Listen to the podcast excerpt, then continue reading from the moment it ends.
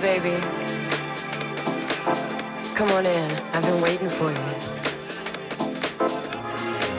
Sit down, relax. You know, I got a few things I've been thinking about, and I'd like to share them with you.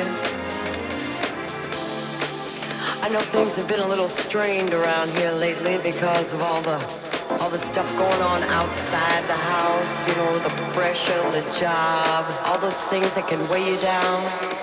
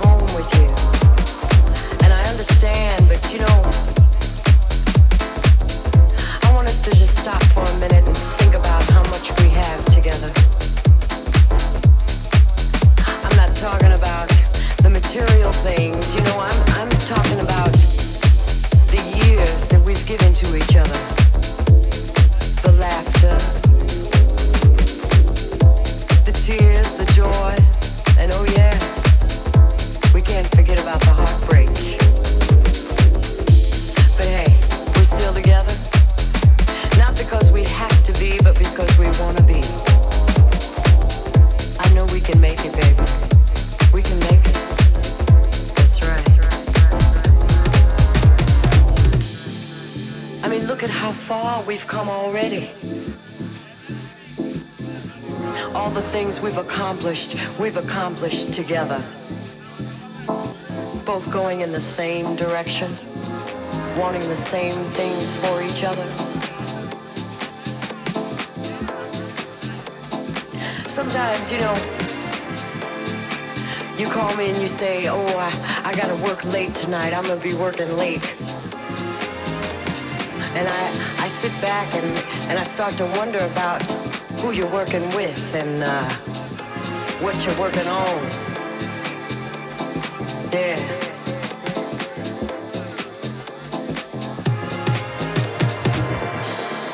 And I might get a little upset, but then, you know, you come home and you always find some little way to let me know I got no reason to worry. Oh, yeah. I know you love me.